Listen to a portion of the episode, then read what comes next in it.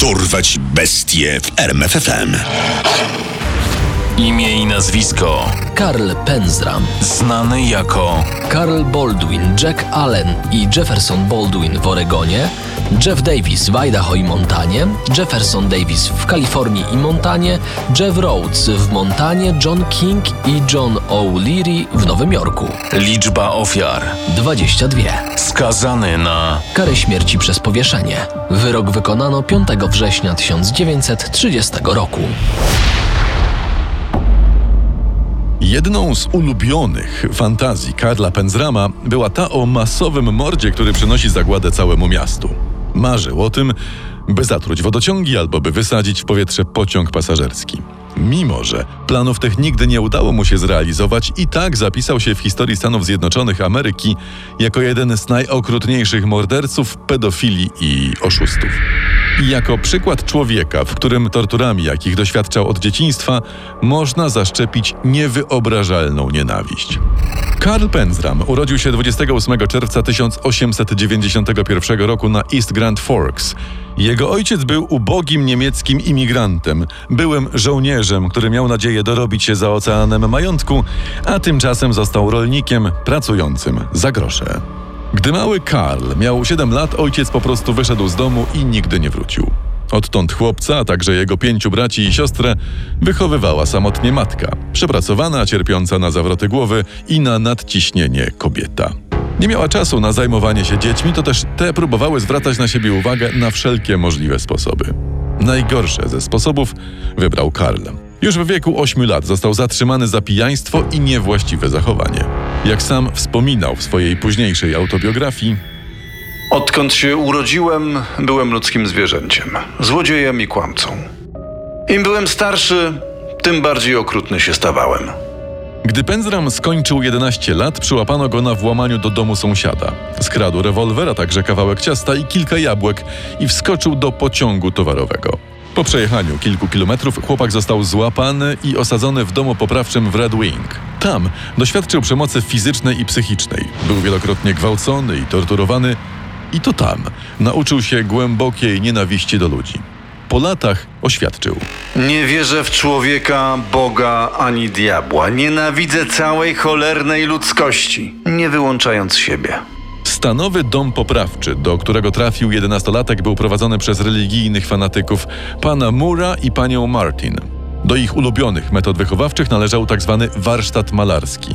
Polegał on na malowaniu na ciałach wychowanków za pomocą pasów, desek i kijów kolorowych, od krwi i siniaków, wzorów. Będziesz miłował Pana Jezusa jak każdy porządny katolik? Przysięgnij! Przysięgam, niech pani tylko przestanie, błagam. Karl przyznał, że wychowawcy nauczyli go kochać Jezusa tak cholernie mocno, że najchętniej ukrzyżowałby go jeszcze raz. W odwecie za swoje cierpienia chłopak usiłował otruć Mura, wsypując mu truciznę do puddingu. Sikał też do napojów, które podawał swoim opiekunom.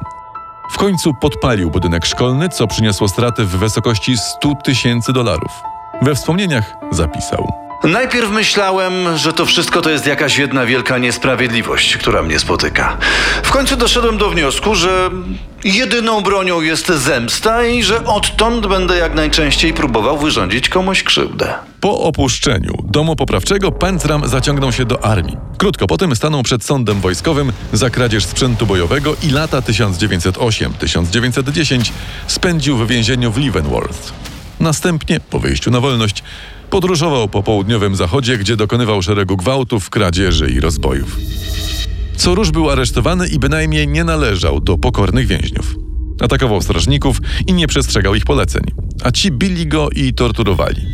Penzrama doskonale znano w więzieniach w Kalifornii, w Montanie, Teksasie, w Oregonie, w Connecticut, w Nowym Jorku i w Kansas. W każdym ze stanów funkcjonował pod innym pseudonimem, których w sumie miał osiem. Od Karla Baldwina po Johna Kinga. Do licznych przestępczych uczynków Karla należały też akty wandalizmu i piromanii. W 1919 roku dostał pracę w Sinclair Oil Company, ale bardzo szybko skończyło się to podpaleniem platformy wiertniczej. Podczas wielkiego pożaru w Houston rozkoszował się widokiem płonącego miasta. Spacerowałem, zachwycając się widokiem wszystkich tych palących się budynków, słuchając jęków i narzekań tych, których domy i majątki zabierał ogień. Bardzo mi się to podobało. Penzram rozważał także coś na większą skalę. Zatopienie brytyjskiego okrętu wojennego zadokowanego w Nowym Jorku, co mogłoby wywołać konflikt wojenny między USA a Wielką Brytanią. Ten wyczyn nie doszedł jednak do skutku. Karl udał się w podróż po Europie, gdzie robił swoje, to znaczy gwałcił i kradł, a następnie pojechał do Afryki. Tam zabił 11-letniego chłopca. Zwabił dziecko na teren kompanii naftowej, gdzie pozbawił go życia, uderzając jego głową o kamień. Potem tak opowiadał o tym morderstwie. Usiadłem, żeby na chwilę pomyśleć. Jak tak siedziałem, nadbiegł jakiś chłopak. Miał może 12 albo 13 lat. Szukał czegoś. No i znalazł. Zabrałem go do wyrobiska żwiru, tam go zgwałciłem i zabiłem. Widziałem jego mózg. Myślę, że nie można być bardziej martwym niż on był. Po morderstwie chłopca Penzram wrócił do rybackiej wioski leżącej u wybrzeża Atlantyku. Po kilku tygodniach postanowił zorganizować polowanie na krokodyle. W tym celu zatrudnił sześciu tubylców, by zabrali go do dżungli. Ci zażądali od niego sowitego wynagrodzenia. A co my będziemy z tego mieć? My chcemy równego podziału zysków. Naturalnie.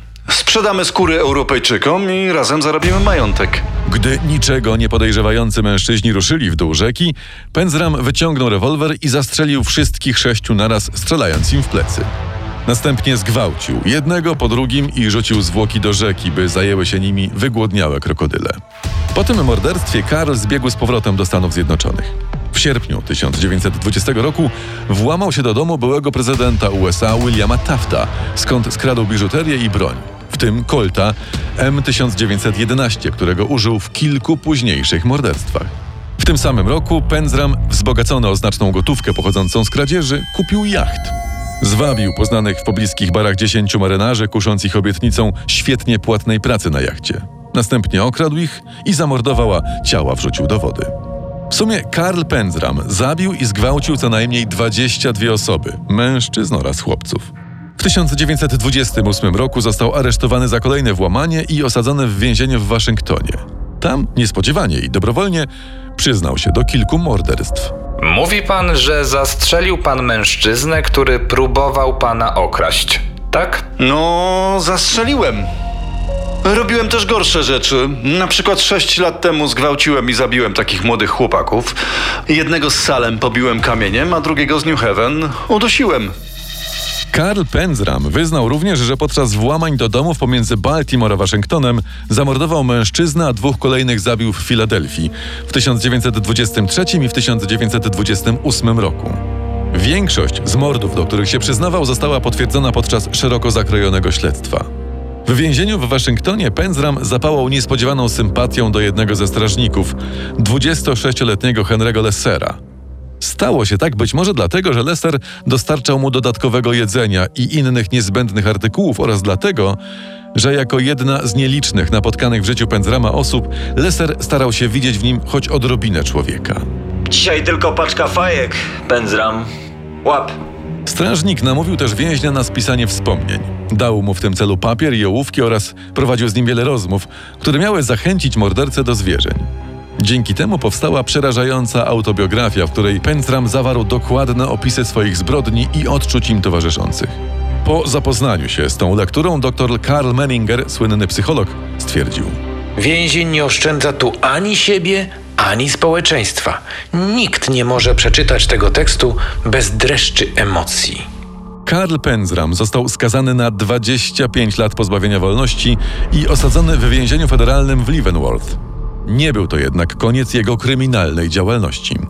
Już zaraz po tym, gdy przewieziono go do więzienia, oświadczył naczelnikowi placówki. Uprzedzam, że zabiję pierwszego człowieka, który mi się narazi.